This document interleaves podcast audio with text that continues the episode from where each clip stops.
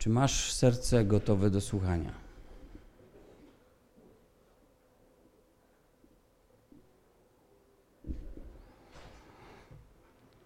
Z serca pochodzą myśli, ambicje, pragnienia. Raczej to w drugą stronę idzie. Ja dzisiaj chcę zapytać się, czy masz serce gotowe do słuchania? Liście do Hebrajczyków czytamy, czwarty rozdział, drugi werset. I nam bowiem była zwiastowana dobra nowina, jak i tamtym. Lecz tamtym słowo usłyszane nie przydało się na nic, gdyż nie zostało powiązane z wiarą tych, którzy je słyszeli.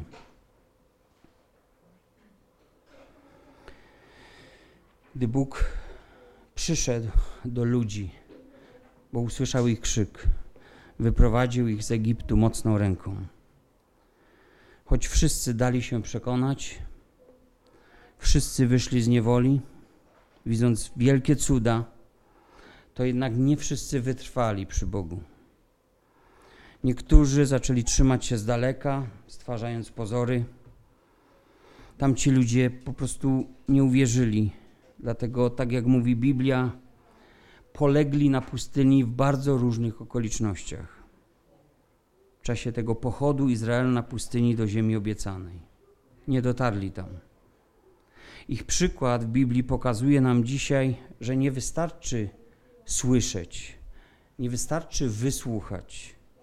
Ważne jest jeszcze to, jak słucham Słowa Bożego i co z tym Słowem zamierzam zrobić. Bo lepiej by mi było nic nie wiedzieć, niż usłyszeć i okazać się człowiekiem, do którego pasują słowa o perłach, których nie rzuca się przed wieprze. Ważne jest to, czy mam serce gotowe do słuchania. Jezus w Ewangelii Jana ósmym rozdziale w rozmowie z Żydami o których czytamy, że uwierzyli w Niego, dlatego za Nim chodzili.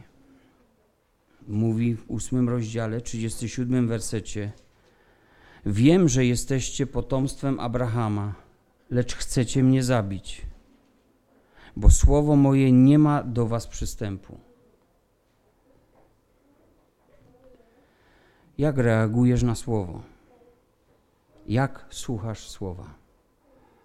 Czy słowo ma do ciebie przystęp? Czy masz serce gotowe do słuchania? Zapamiętajcie ten wstęp, wrócimy do niego na koniec. A teraz proszę otwórzmy Ewangelię Łukasza, ósmy rozdział. Przeczytam 21 wersetów bardzo znanej historii. Więc nic dzisiaj nowego się nie pojawi ale może Duch Święty położy coś w nasze serca ważnego. Ósmy rozdział Ewangelii Łukasza, od pierwszego wersetu do dwudziestego pierwszego. I stało się potem, że chodził po miastach i wioskach, zwiastując dobrą nowinę o Królestwie Bożym, a dwunastu z nim – i kilka kobiet, które on uleczył od złych duchów i od chorób, Maria zwana Magdaleną, z której wyszło siedem demonów, Joanna, żona Chuzy, zarządcy dóbr Heroda, i Zuzanna i wiele innych, które służyły im majątnościami swymi. A gdy się zeszło wiele ludu i z miast przybyli do niego, rzekł w podobieństwie: Wyszedł siewca rozsiewać ziarno swoje – a gdy siał, jedno padło na drogę i zostało zdeptane, a ptaki niebieskie zjadły je. A drugie padło na opokę, a gdy wzeszło, uschło, bo nie miało wilgoci. a inne padło między ciernie, a ciernie razem z nim wzrosły i zadusiły je. A jeszcze inne padło na ziemię dobrą, i gdy wzrosło, wydało plon stokrotny. To mówiąc, wołał – kto ma uszy do słuchania, niechaj słucha. I pytali go jego uczniowie, co znaczy to podobieństwo. A on im rzekł: Wam dane jest poznać tajemnicę Królestwa Bożego, ale innym podaje się je w podobieństwach, aby patrząc nie widzieli, a słuchając nie rozumieli. A podobieństwo to znaczy, ziarnem jest Słowo Boże, a tymi na drodze są ci, którzy wysłuchali. Potem przychodzi diabeł i wybiera słowo z serca ich, aby nie uwierzyli i nie byli zbawieni. A tymi na opoce są ci, którzy gdy słysz, usłyszą, z radością przyjmują słowo, ale korzenia nie mają. Do czasu wierzą, a w chwili pokusy odstępują. A to, które padło między ciernie, oznacza tych, którzy usłyszeli, ale idąc drogą wśród trosk, bogactw i rozkoszy życia, ulegają przyduszeniu i nie dochodzą do dojrzałości. A to, które padło na dobrą ziemię, oznacza tych, którzy szczerym i dobrym sercem, usłyszawszy słowo, zachowują je i w wytrwałości wydają owoc. Nikt też nie zapala świecy i nie nakrywa jej naczyniem, ani nie stawia pod łóżkiem, ale stawia ją na świeczniku, ażeby widzieli światło ci, którzy wchodzą. Nie ma bowiem nic ukrytego, co by nie miało być ujawnione, ani nic tajemnego, co by nie miało być poznane i nie miało wyjść na jaw.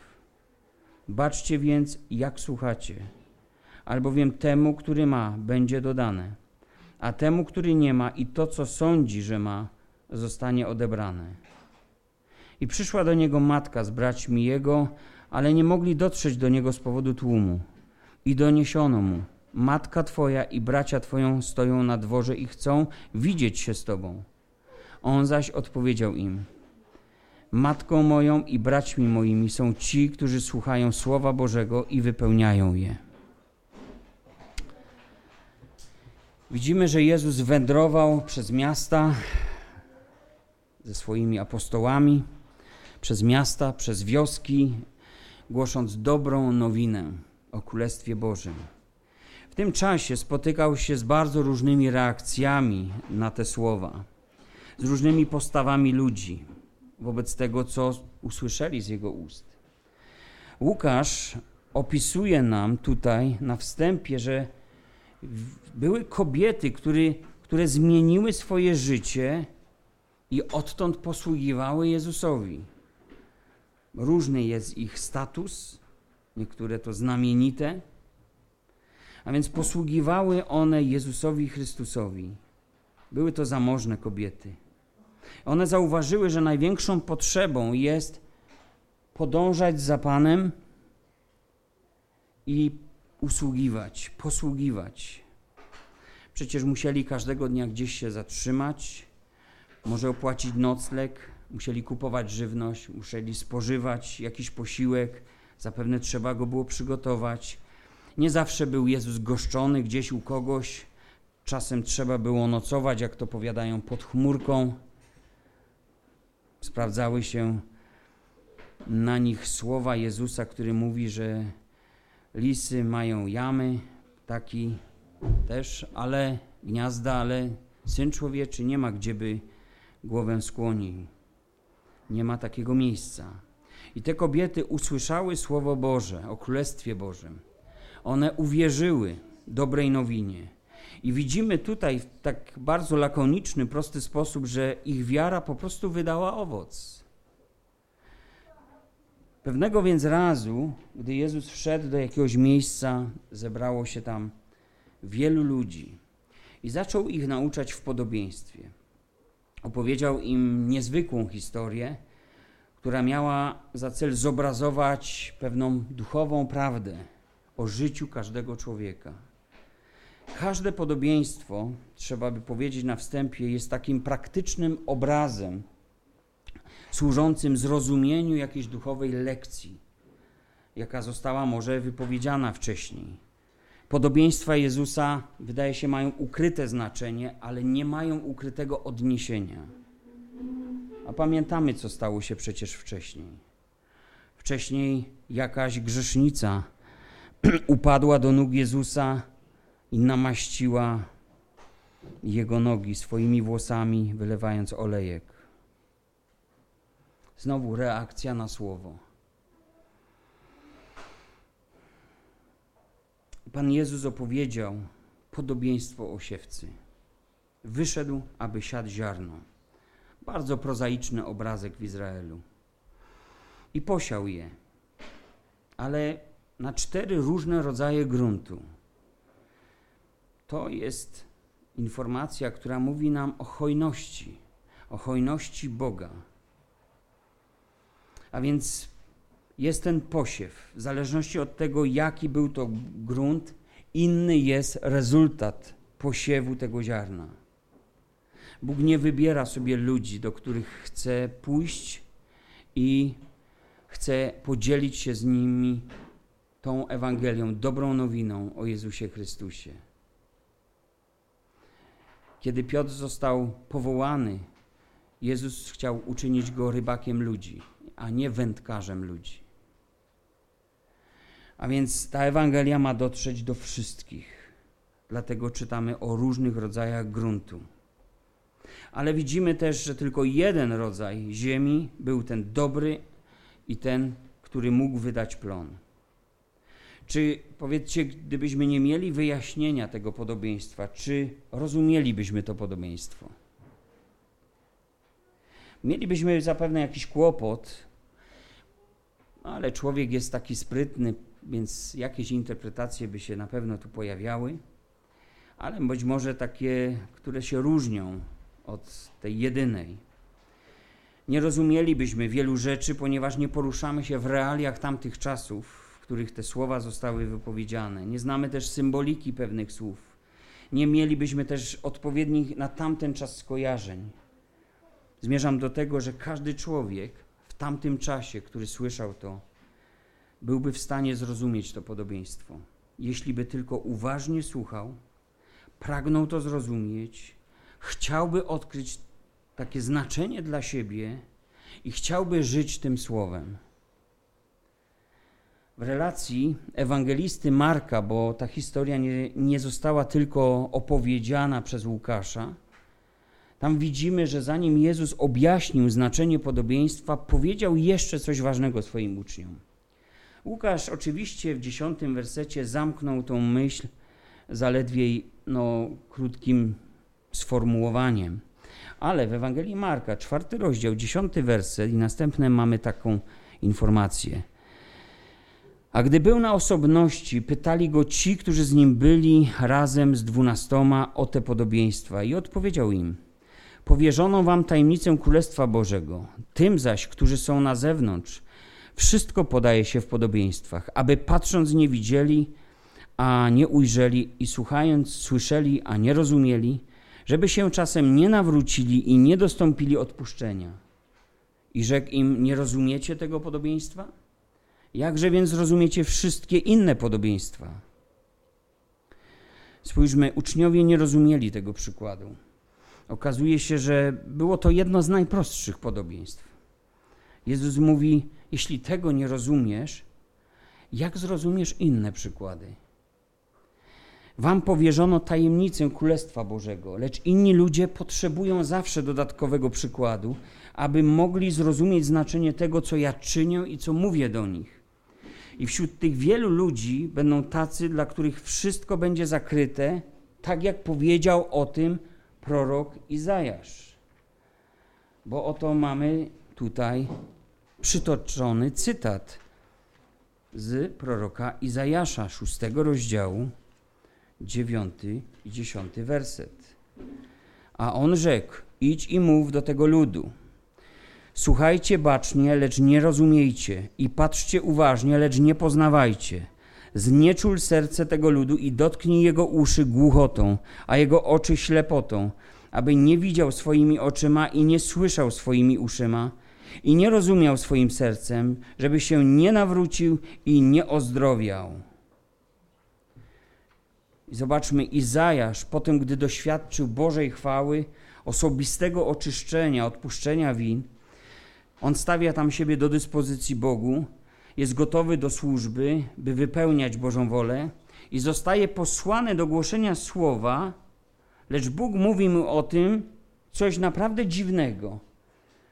Mówi, że kiedy on będzie głosił temu ludowi słowo, to będzie znakiem nadchodzącego sądu dla wszystkich słuchaczy tego słowa. Apostoł Paweł także cytuje Izajasza i daje nam jeszcze lepsze zrozumienie tego, o co chodzi.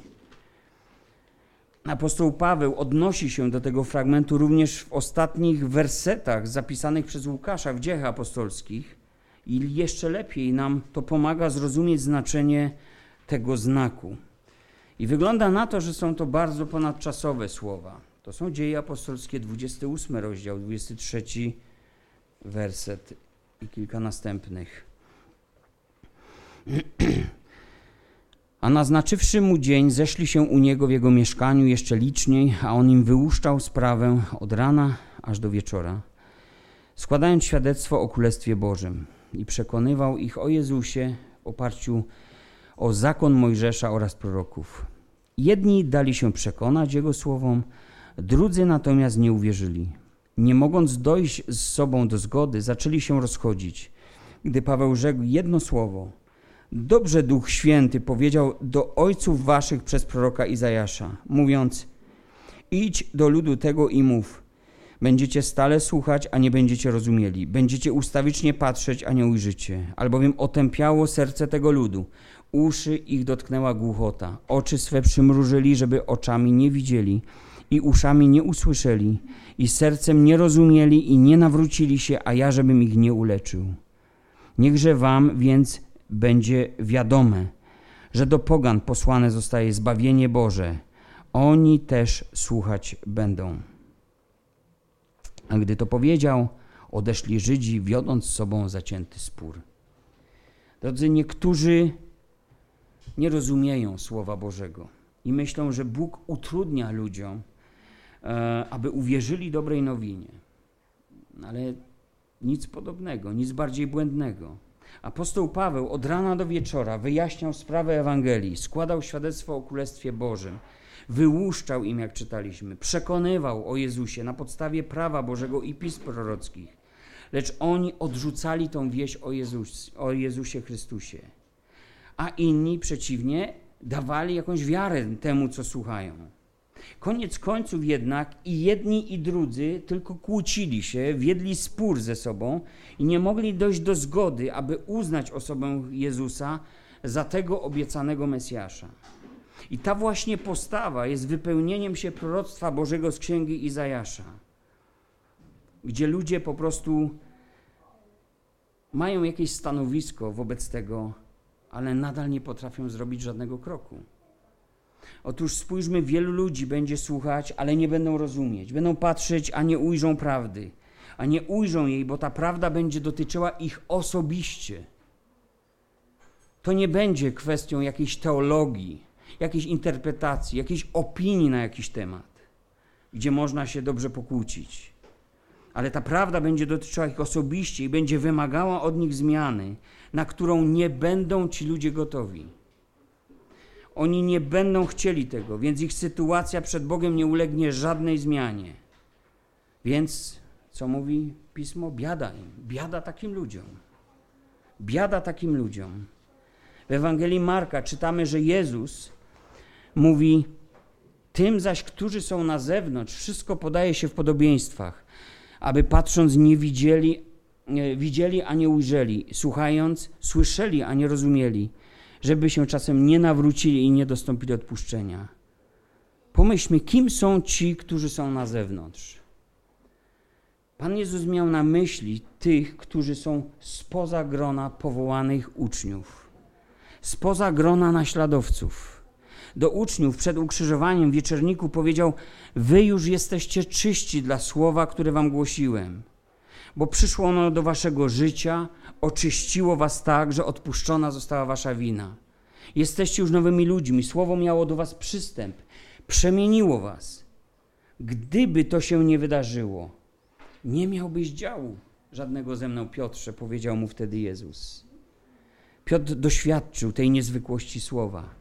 I choć w inny sposób niż Izajasz w swej wizji został też oczyszczony, to jednak z takim samym skutkiem to się stało. Obaj doświadczyli świętego Boga, z którym mieli do czynienia, i to przemieniło ich życie.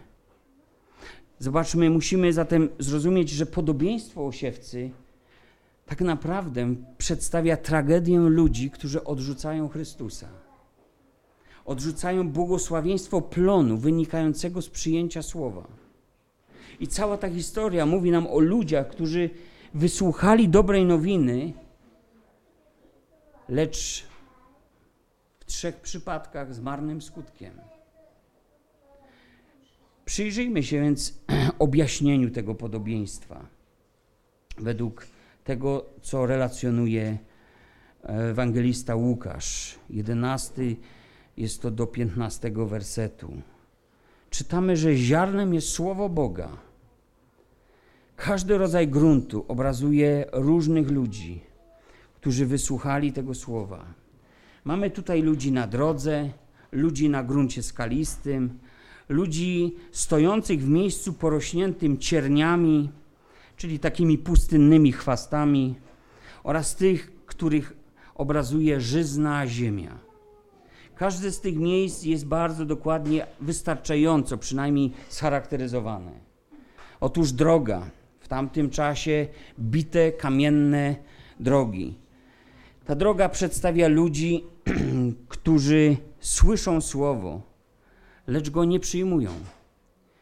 Nie ma ono do nich żadnego przystępu. Stawiają mur słowu. Nie wiążą go w żaden sposób ze swoim życiem. A jeśli nawet wyczuwają, że to słowo jest do nich i o nich, obawiają się, że to słowo tylko skomplikuje ich to, co sami chcą dla swojego życia. I w końcu, te, z wyniku tego zwlekania, tracą to słowo. I to słowo przestaje już ich niepokoić. Nie porusza już więcej ich sumienia. To słowo staje się coraz bardziej odległe i coraz mniej wymowne. Dlaczego ci ludzie tracą słowo? Dlatego, że nie są gotowi uznać pierwszeństwo Jezusa, uznać Jezusa jako Pana ich życia, uznać Go jako Mesjasza, a siebie samych za zgubionych grzeszników, którzy jeszcze bardziej się pogubią, jeśli tylko odrzucą Pana. Człowiek nie jest gotowy uznać siebie za całkowitego bankruta. Jezus może budzić, owszem, podziw, może budzić szacunek, może być obiektem wielu rozmów, słowo może być zbiorem mądrości, ale to nie jest tego rodzaju skarb, o którym mówi Biblia. Ci ludzie nie są gotowi poświęcić właściwie niczego wartościowego, aby nabyć go i zyskać Chrystusa. Do takich ludzi przystęp ma właśnie szatan, który, czytamy, zabiera od nich to słowo, aby nie uwierzyli i nie byli zbawieni. Szatan więc pośrednio czy bezpośrednio, może mniej, ale jest aktywnie zaangażowany w to, aby człowiek został w tym swoim stanie, aby był zgubiony nadal w swoich grzechach, w swoich dążeniach czy egoistycznych ambicjach swojego serca. Potem mamy kolejny rodzaj ludzi, którzy są zobrazowani gruntem skalistym. Ten grunt skalisty przedstawia ludzi, którzy bardzo pozytywnie reagują na słowo. Przychodzi ono, to słowo do nich jak może jak taki promyk nadziei, jak takie światełko w tunelu. Chwytają się go, radują się nim, są może wzruszeni, są może też zapaleni, są chętni, są gotowi, aby podążyć za Jezusem, chcą żyć zgodnie ze Słowem, deklarują to, mówią o tym, wyznają to. Wszystko wydaje się, że zmierza w ich życiu ku dobremu. I jest jednak problem. Słowo nie ma możliwości zapuścić w ich życiu korzenia. Co potrzebne jest każdej roślinie, aby mogła się ukorzenić? Biblia mówi nam, że ta garść nasion rzucona na ten grunt nie miała wilgoci. A wiemy, że to właśnie odpowiednie podłoże decyduje o istnieniu wilgoci. Problemem naszego kraju ponoć jest to, że nie mamy systemów pozwalających nam zatrzymać wodę i zbyt szybko ta woda odpływa. Więc też szybko przychodzi susza. A czy to ziarno miało dostęp do wody? Jeśli by pójść innym obrazem Słowa Bożego, które mówi, że Słowo Boga jest wodą życia, to powiemy tak. Miało dostęp. Ziarno zostało rozsypane. Miało, lecz problem w tym, że skaliste podłoże nie mogło tej wody utrzymać. Nie mogło zatrzymać jej w ziemi, nie mogło jej przyswoić. Ta woda przelatywała przez te wszystkie kamyczki, nie dając szansy i czasu na wzrost tego nasienia. Przekładając to, ten obraz na życie ludzi, wszystko, co dzieje się w życiu takich osób, choć jest autentyczne, mam na myśli ten początek ze Słowem Bożym, to jednak jest mimo wszystko płytkie, jest emocjonalne, jest to uczuciowe, jest ten zachwyt nad Słowem, jest ta ekscytacja Jezusem, lecz to nie jest głębokie doświadczenie wiary. To są tylko powierzchowne przeżycia, powierzchowne odczucia. Słowo owszem zostało usłyszane, emocje zostały poruszone, nawet może bardzo, lecz to nie dosięgło serca, nie miało szans zakorzenić się w sercu, nie mogło pozostać w sercu, nie było tej wilgoci. Taki człowiek reprezentujący ten skalisty grunt może zgadza się, że słowo, słowo jest tą prawdą, lecz pytanie, czy serce zostaje tym słowem przemienione. Nie zostaje. A nie zostaje, bo nie ma zwrotu w życiu tego człowieka. Jest to ciągle to stare emocjonalne serce, poddające się różnym uniesieniom. Raz tym, raz innym, różnym wpływom, różnym inspiracjom. No teraz na chwilę jest inspiracja Słowa Bożego. Mija więc czas i przychodzi co? Czytamy pokusa. I, czyli próba, już wiemy, że to są szczególne próby. I co robi człowiek? Widzimy, że on nie ma żadnej mocy, by się oprzeć temu. Zatem wiatr powiał z innej strony, więc teraz jest nowy plan. Za tydzień, za dwa wiatr powieje może z innej strony. Wiecie, że tak się nie zachowuje ziarno. Tak się plewa zachowuje. Ale jednak człowiek, który jest chwiejny w swojej wierze, może być miotany falą to tu, to tam. Jakub mówi, niech nie, nie ma taki człowiek, że od Pana coś otrzyma. Ale możesz prosić o mądrość. Tam pada taki wniosek. Możesz prosić Boga o mądrość, a On ci da mądrość bez wypominania. My sobie potrafimy wypominać różne rzeczy z wczoraj, z tygodnia, z roku, z lat. Bóg nie wypomina. Daje ci na nowo szansę. Na nowo masz możliwość. Pójdź za nim. Krótko mówiąc, Słowo Boże ma pewną przeszkodę. Jest jeszcze inny powód takiej powierzchowności, która kończy przygodę na poważnie ze Słowem Bożym. Według przekazu Ewangelii Mateusza, to jest trzecia Ewangelia, w której ta historia jest zapisana, widzimy, że ten człowiek, który reprezentuje tą glebę skalistą, on jest niestały. On jest niestały w swoich deklaracjach. I gdy przychodzi, czytamy ucisk i prześladowanie z powodu słowa, wówczas rezygnuje z tej drogi. Rezygnuje z tej drogi. To nie tak miało być. Rezygnuje, gdyż jego obawy, jego lęki są większe niż wierność wobec tego usłyszanego słowa. Ten człowiek zawsze pójdzie drogą tłumienia swoich lęków, zamiast pójść drogą wiary. On boi się płacić zbyt wygórowaną cenę, obawia się ucisku. On się może wzmagać. Nikt nie da gwarancji. Nie jest gotowy na prześladowanie, więc wycofuje się. Słowo nie przynosi w jego życiu żadnego trwałego skutku. I ta roślina, nawet jeśli wydobyła się z tych kamieni, zaczyna marnieć i kończy się życie z Bogiem. I mamy trzeci rodzaj ludzi. Grunt ciernisty przedstawia ludzi, dla których wartości tego świata nigdy nie przestają być do tego stopnia ważne, żeby dopuścić do sytuacji, aby słowo miało pierwszeństwo w ich życiu. Zobaczcie, słowo nie wydaje widocznych owoców, widzimy, a nie wydaje, gdyż ulega codziennie zadławieniu przez to, co naprawdę liczy się dla tej osoby, Krótko mówiąc, takich ludzi pociągają wartości tego świata. Takich ludzi pociąga dopasowanie się do tego świata. Właściwie do takiego top of the top tego świata. Tam biegniemy, tam, tam jest kierunek życia wielu ludzi. Czy osiągnęli pewien poziom, czy nie osiągnęli, chodzi o pewną drogę, pewien sposób myślenia. Jezus mówi, że to są ułuda bogactwa.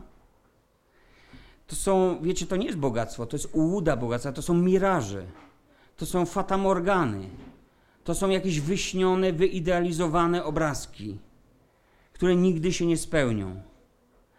Biblia mówi, że to są rozkosze życia, więc mówiliśmy o, już tydzień temu, czy, czy dwa tygodnie temu o hedonizmie, o egoizmie, o przyjemności. Człowiek jest za, w zamian za te rzeczy oddać bardzo wiele dzisiaj. A więc rozkosze życia są tymi, które zabierają to słowo, zadławiają to słowo. I Biblia mówi jeszcze o pożądaniu różnych rzeczy, które owładają ludźmi. Dodał to ewangelista Marek. A więc to są rzeczy, które mają moc przejmowania kontroli nad naszym sposobem myślenia. To są rzeczy, które mogą skoncentrować całą Twoją uwagę na sobie, zogniskować na sobie te rzeczy. Taki człowiek nie może sobie po prostu odmówić, i to ma nad nim władzę. Może mówi sobie, ale ja to chcę. I wcale nie cierpi z tego powodu. Mówi po prostu, ale ja tak chcę ale ja to chcę. Ja inaczej nie chcę. I ludzie reprezentujący taki grunt po prostu nie pozwolili, aby słowo Boga przeorało ich serce tak dogłębnie, żeby zmieniły się priorytety w ich życiu. Słowo było czymś, co miało, nie wiem, może nazwę to tak jak dwa tygodnie temu, udekorować życie? bo to dobrze udekorować swoje życie Bogiem? Bo to takie szlachetne, bo to jest lepsze życie? Z powodu tego ciągle ludzie są skupieni na sobie, a nie na słowie. Z powodu tego, że pewne priorytety się nie wywróciły. Słowo na tej drodze zostaje zaduszone. Taki człowiek nie może owoców wydać. Nie może się przebić słowo ponad te wartości ponieważ te wartości wiążą się z naszymi wyborami, codziennymi wyborami, z naszym sposobem myślenia, z naszą listą ważności. I nie przebije się słowo. Gdyby tylko byli posłuszni tacy ludzie słowu, mieliby inną jakość duchowego życia. Ale tak, duchowo można powiedzieć, duszą się, bo są rzeczy, które zaduszają słowo są rzeczy, które nie pozwolą temu słowu objąć kontrolę. I uwciernie z języka greckiego, a Nowy Testament pierwotnie był w języku greckim napisany, to zizanion, to jest transliteracja hebrajskiego słowa zonin, a więc nazwy trującego rodzaju życicy, trawy, która w początkowej fazie wzrostu wygląda bardzo podobnie do tego, co posiano, lecz wzrastając razem ze zbożem po prostu niszczy zboże, zabiera życie zbożu, zanim ono wyda jakikolwiek plon. Nie wiem, czy kiedykolwiek widzieliście puste kłosy. One są. Wszystko wygląda dobrze. Podejdź tam i zbierz jakiś plon. Nie ma nic. To jest właśnie wynik w Izraelu to był wynik tego, że ta, tej trawie pozwolono rosnąć. Hebrajskie przysłowie mówi więc: Człowiek uprawia ziemię, lecz chwasty uprawiają rośliny. I tak jest chyba do dzisiaj. W języku greckim to słowo określające zaś przyduszenie tłumaczone jest dosłownie jako zdławienie czegoś poprzez odcięcie źródła życia tak jakbyś kran zakręcił. I tak właśnie robią chwasty z roślinami. Nie pozwalają roślinie wzrosnąć, bo zabierają jej wszystko to, co ten wzrost może spowodować. Zatem widzimy, że wartości życia tych ludzi odcięły ich od tego, co Słowo Boże mogło w ich życiu spowodować. Człowiek, nie mając właściwie ustawionych priorytetów, poświęca się. A jak? Walczy, goni za tym często, za czym goni świat, bo ten świat jest tą samą układanką życia. Nikt nie będzie miał dość sił, by przestać. I nigdy nie będzie miał dość sił i ciągle będzie go stawiało to na niewłaściwej drodze, tak długo, dopóki te priorytety będą zarządzać jego życiem. Także taka osoba słucha, a jak chętnie wysłucha, ale czy zrozumie? Patrzy, lecz nie widzi? Wiecie, jaki mamy najtrudniejszy problem ze słowem? Zaadresować go do siebie. Człowiek o zakwaszczonym sercu może nie rozumieć nawet tego i może do tego do niego to nie docierać. O kim jest ten wątek kazania? No o kimś jest, tak generalnie do ludzi jest. Chwasty zatwardzają serce, chwasty zaślepiają człowieka, chwasty nie popuszczą człowiekowi. Możesz usłyszeć najpiękniejsze kazanie, możesz być smakoszem najlepszych kazań z internetu. Chwasty ci nie popuszczą. Nic z tego nie wyjdzie. No i wreszcie jest coś, na co mam nadzieję długo czekaliśmy. Dobra ziemia. Ostatni rodzaj gruntu, szczególny, niezwykły. Statystycznie rzecz biorąc, ujmując, wydawać by się mogło, że to dotyczy średnio zaledwie 20% wszystkich słuchaczy. Dobra ziemia. Tak wszyscy ewangeliści jednomyślnie nazywali ten rodzaj gruntu. Grecki język jednak używa słowa oznaczającego pewnego rodzaju szlachetność, pewnego rodzaju potencjał. Czasem widzimy kogoś i mówimy, ma talent, ma potencjał, tak? Jak ktoś inny powie, zainwestujmy. No właśnie to jest to słowo. Rolnik bierze do ręki ziemię i widzi, że ona jest dobra, tłusta, żyzna, bogata ziemia we wszystko, co jest niezbędne, aby rośliny wystrzeliły. Jest ona przygotowana, aby to, co zostanie tam położone, posiane, aby wyrosło i wydało obfity plon. I w sensie dosłownym to właśnie Jan Chrzciciel w Izraelu zajmował się przygotowaniem ziemi, przygotowaniem serc na przyjście Jezusa i przyjęcie Ewangelii Jezusa. Ale to jest też przesłanie ponadczasowe, przesłanie dla nas. Dobra ziemia przedstawia wszystkich ludzi, którzy mają, czytamy, szczere, dobre serce. O szczerości na spotkaniu środowym rozmawialiśmy troszkę i mówiliśmy o co chodzi w tej szczerości z Bogiem, w tej uczciwości wobec Boga. Mateusz w swej Ewangelii powiada, że to są ci, którzy słuchają ze zrozumieniem słowa, a Marek podkreśla, że oni słuchają, przyjmują i wydają owoc. Łukasz zaś wskazuje nam na to, że oni w swym sercu przechowują to słowo jak skarb. Jak skarb, jakby w glinianym naczyniu. I towarzyszy im taka wytrwałość w jego wypełnieniu, tak, że wydają owoc tego słowa. Podobna myśl znajduje się w Starym Testamencie i ujął to pewnymi słowami król Dawid, autor wielu psalmów. W psalmie 119 powiada w swym sercu przechowują słowo Twoje, abym nie zgrzeszył przeciwko Tobie. Tekst hebrajski mówi tu dosłownie o ukryciu skarbu, a nie o przechowywaniu. Czyli w sercu moim ukrywam jak skarb słowo Twoje, abym nie zgrzeszył przeciwko Tobie. Słowo hebrajskie safan, używane na określenie takiego działania, zostało, którego celem było ukrycie kosztowności w ziemi. I to tak, aby nikt nie mógł tego zabrać, aby nikt nie mógł mnie pozbawić tego, co drogocenne. A przecież wiemy, że pierwszy rodzaj podłoża, droga, to właśnie przyszedł zły, przyszedł diabeł i wszystko zabrał, pozbawił człowieka tego słowa. I to także nawiązuje do historii, którą opowiedział Pan Jezus o człowieku, który był gotów sprzedać wszystko, co ma, by zakupić ziemię. Dla innych ludzi, gdy spojrzeli na tą ziemię, może nie przedstawiała większej wartości. Ale on wiedział, że tam jest zakopany skarb, ukryty skarb. Tym skarbem jest usłyszane słowo Ewangelii. Ewangelista Łukasz, jako lekarz, a więc człowiek o ścisłym umyśle, on bardzo precyzyjnie pokazuje nam, jak rodzi się owoc na tej żyznej ziemi. Spójrzcie na to.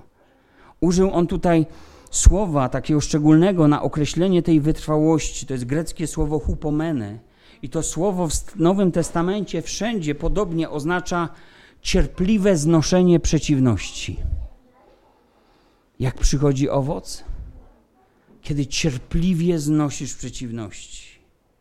Bo ta dobra ziemia wcale nie musi taką być. Ile potrzeba pracy, wysiłku, nakładów i czasu, abyś zamienił dobrą ziemię w ugór? Ile potrzebujesz wysiłku? Nic. Po prostu nic nie rób. Po prostu Zostaw to. I po paru latach masz po prostu ugór. Nie napracowałeś, nie napracowałeś się nad tym. Cierpliwe znoszenie przeciwności. I zobaczcie, że ten owoc nie rodzi się bez bólu. Nie rodzi się bez opierania się temu, co przeciwne wzrostowi, temu, co mogłoby zniszczyć ten cel. Tą ziemię trzeba ciągle doglądać tam mogą się pojawić jakieś chwasty. Tam może ktoś podrzucić jakiś kamyczek, jeden, drugi i kolejny. Diabeł chodzi jak lew ryczący wokoło i szuka, kogo by pochłonąć. To jest ciągle takie aktywne miejsce duchowej walki o, o ten plon. Temu ziarenku towarzyszy coś szczególnego, bo ten siewca rzucił to ziarno, tak jak kiedyś to robiono, i każde ziarenko wpadło w swoją szczelinkę. I każdemu temu ziarenku towarzyszy umieranie. Dla tych rzeczy, dla których nie potrafili umrzeć ludzie stojący na gruncie skalistym i na gruncie ciernistym. Jeśli słowo ma wydać plon, to musimy pamiętać, że ono zawsze ma konkurencję. Zawsze będzie towarzyszyła wzrostowi duchowa walka. Zawsze będzie walka związana z konkretnym wyborem sposobu życia czy kierunku, w jakim moje życie się potoczy. Zawsze będzie walka i wojna z priorytetami, które były, a które mają być. Lecz jeśli ziarenko nie obumrze, nigdy nie wyda owocu. Zgodnie ze słowami Jezusa z Ewangelii Jana, 12 rozdział, 24 wers. Jezus mówi: Zaprawdę, zaprawdę jak Jezus tak mówi, to oznacza, słuchaj, na pewno, na pewno, nawet nie miej najmniejszych złudzeń. Zaprawdę, zaprawdę powiadam wam, jeśli ziarenko pszeniczne, które wpadło do ziemi, nie obumrze, pojedynczym ziarnem zostaje, lecz jeśli obumrze, obfity owoc wydaje. Kto miłuje życie swoje, utraci je, a kto nienawidzi życia swego na tym świecie, zachowa je ku żywotowi wiecznemu. Mamy tutaj taką myśl, która nam uświadamia, że jeśli człowiek bez zastrzeżeń nie pójdzie za Panem Jezusem, jeśli nie jest gotowy uznać Go bezwarunkowo i całkowicie, bez negocjacji, jeśli nie jest gotowy uznać, może nawet, że jest grzesznikiem, bankrutem, jeśli nie jest gotowy porzucić swojego grzechu, to nigdy nie wyda owocu. Nigdy też nie zachowa życia ku życiu wiecznemu. Naprawdę, naprawdę, zaprawdę, zaprawdę, na pewno, na pewno. I spójrzmy teraz na tekst, który jest bezpośrednio umiejscowiony po tym podobieństwie o siewcy i po tym wyjaśnieniu. Pamiętajmy, że na początku czytaliśmy o tych nawróconych kobietach, które usłyszały słowo i wydawały owoc, posługiwały Panu Jezusowi. Wśród tych wielu ludzi przysłuchujących się słowom Pana była też szczególna grupa faryzeusze, uczeni w piśmie. Oni byli zawsze, wszędzie chodzili, wszędzie sprawdzali. I oni to według przekazu ewangelisty Marka, zanim Jezus opowiedział podobieństwo o siewcy, oni odrzucili go i nazwali go Belzebubem. A moc, jaką czynił cuda, którą uzdrawiał ludzi, nazwali mocą księcia demonów.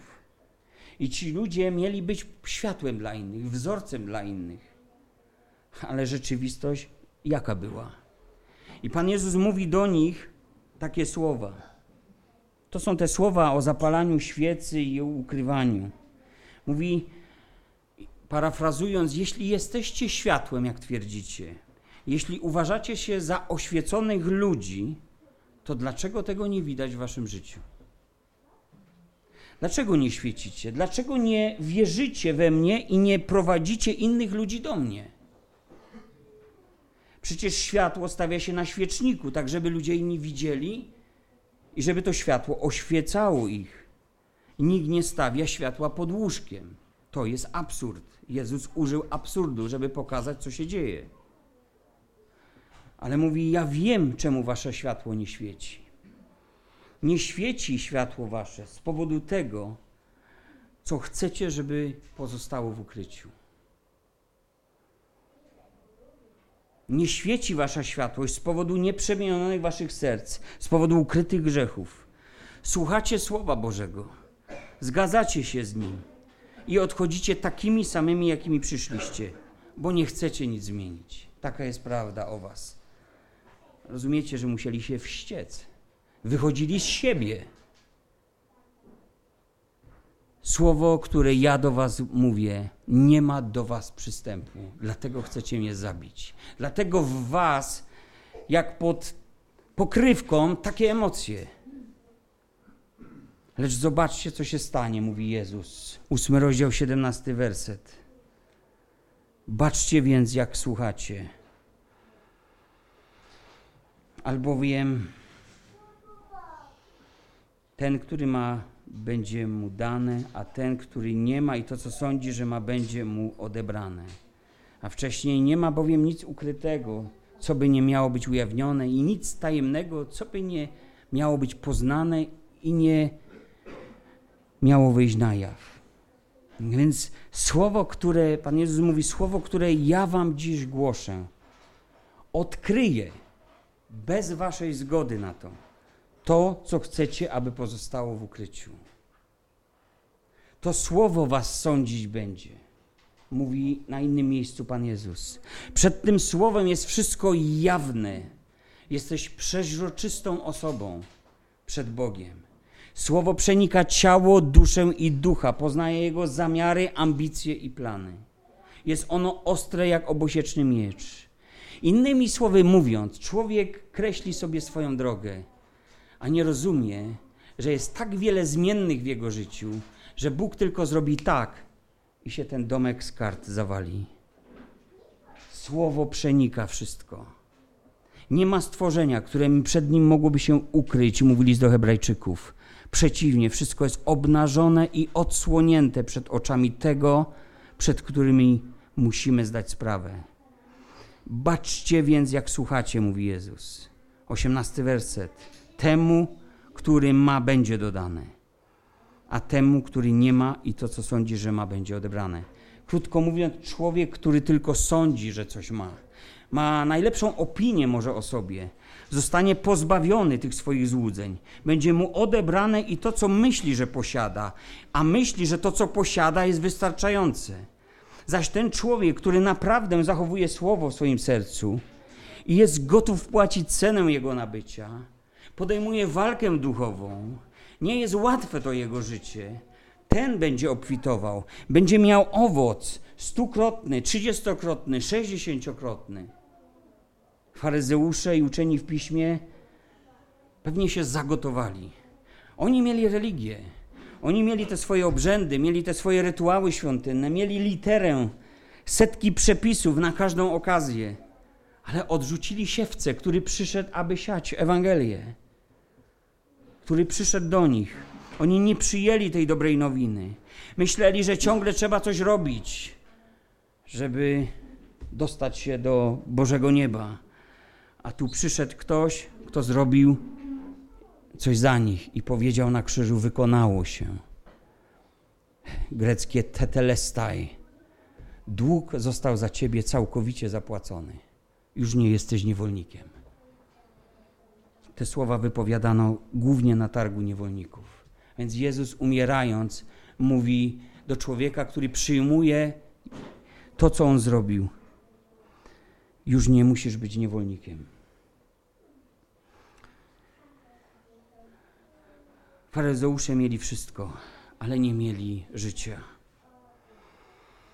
Możesz mieć wszystko i nie mieć życia. Jakaż to bolesna rzeczywistość. Jezus powiedział w Ewangelii Mateusza: Jeśli sprawiedliwość wasza nie będzie obfitsza niż sprawiedliwość uczonych w piśmie i faryzeuszów, nie wejdziecie do Królestwa Niebios. A któż im dorówna? Spójrzmy teraz na ostatni już fragment od 19 wersetu. Przyszła do niego matka z braćmi jego. Greckie słowo kuzyni istnieje naprawdę i nie będę tracił czasu, żeby udowadniać, że wielbłąd nie jest słoniem. E, naprawdę przyszła mama i bracia. I trzymajmy się tego, co mówi słowo. A więc przychodzą do niego. Prawdziwe pokrewieństwo Jezusa zostaje tu ukazane. Ono jest możliwe wyłącznie na sposób duchowy. Ci są moją rodziną, mówi Pan, którzy pełnią Słowo Boże, które do nich wypowiedziałem. I pewnego razu Jezus wypowiedział historię o ludziach, którzy w Jego imieniu czynili naprawdę wielkie rzeczy. Prorokowali, wyganiali demony, dokonywali nawet cudów. Powiedział też Pan Jezus inną historię o ludziach, którzy szczycili się tym, że nawet jadali i pijali przed Panem, pamiętali Jego kazania, pamiętali, że nauczał właśnie na ich ulicach i zarówno jedni, jak i drudzy utożsamiali się z Nim. Silnie się utożsamiali. Mówili do Niego, Panie, Panie. To podwojenie oznacza, że oni naprawdę, tak naprawdę.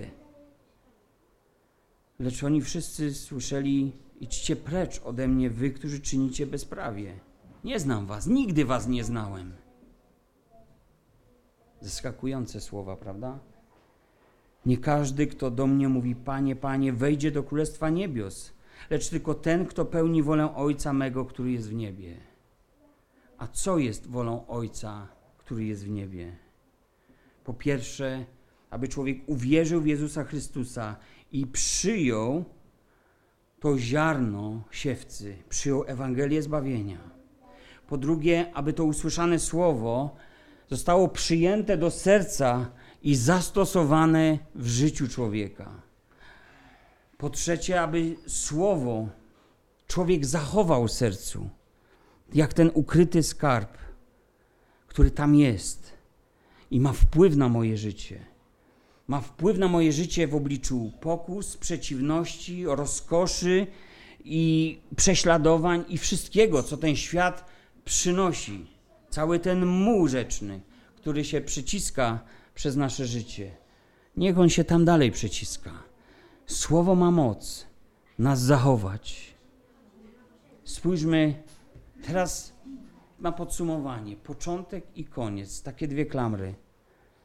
Na początku są te nawrócone kobiety. Wszystkie wydają owoc przyjętego wcześniej słowa. Słowo wpadło na dobrą ziemię. A po przeciwnej stronie są ci, którzy nie uwierzyli Jezusowi, choć go znają. Tak jak dzisiaj są tacy, którzy wierzą w Boga, ale nie wierzą Bogu. Są też tacy, którzy wierzą, że wierzą.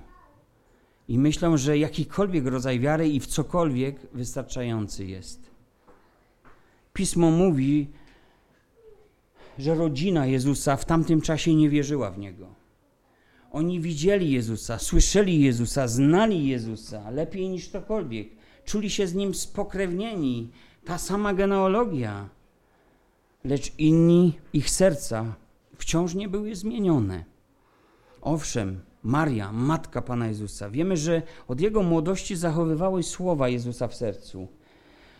A co powiedział Jezus wtedy? Powiedział: W tym, co jest ojca mego, ja muszę być. I wtedy ona wypowiedziała te słowa. Gdy on miał dokonać pierwszego cudu, a było to w Kanie Galilejskiej, wtedy wypowiedziała jedyne przykazanie do ludzi. Odesłała tych ludzi z niczym.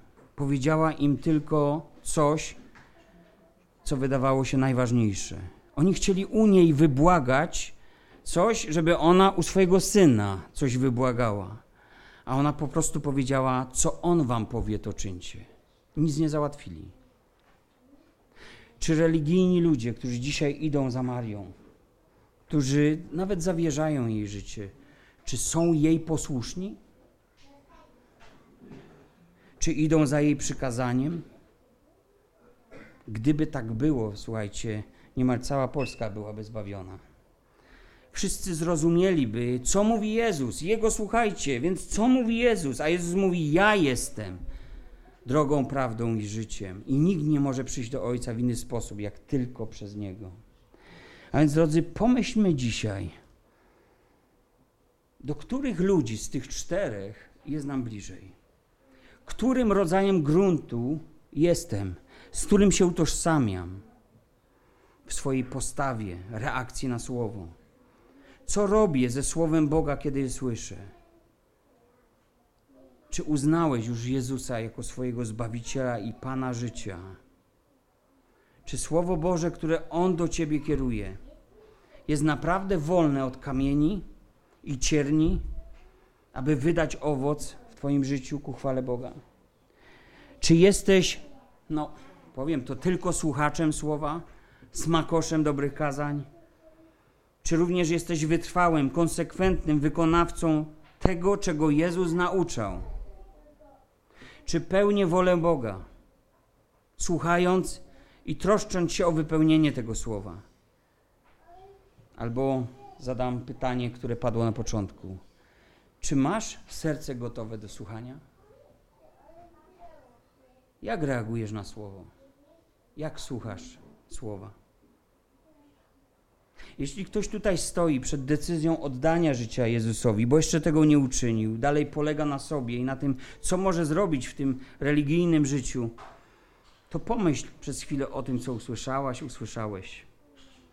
Na spokojnie, bez pośpiechu, bez presji, bez nacisku. Przemyśl to sobie dobrze. Uwierz Jezusowi na słowo i pójdź tą drogą. Twoje życie jest zbyt cenne, by ryzykować drogą donikąd, drogą w nieznane. Spójrz też na koniec tych, którzy pełnią wolę Boga. Biblia mówi, oni wejdą do Królestwa Bożego. Zapewnia nas o tym Jezus, zapewnia o tym Słowo. Więc powinniśmy przyjąć to Słowo Ewangelii i oddać życie swoje Jezusowi. Poddać Mu swoje życie. Być tą dobrą, żyzną ziemią gotową wydać plon. A jeśli pójdę inną drogą? No cóż, Biblia mówi, droga zaś bezbożnych, czyli ludzi, którzy układają ją bez Boga, wiedzie donikąd. Tam jest zbyt wiele zmiennych. Tam nawet Einstein by poległ. A co dopiero ja i ty? Pomyśl więc, czy masz serce gotowe do wysłuchania słowa? I co z tego wyniknie w Twoim życiu? Niech Pan Bóg pobłogosławi to, co zapisane jest w tym słowie, a mam na, nadzieję, że i komentarz do tego, co Bóg tam nam dał, nie był bez sensu, ale ma jakieś odniesienie do naszego życia.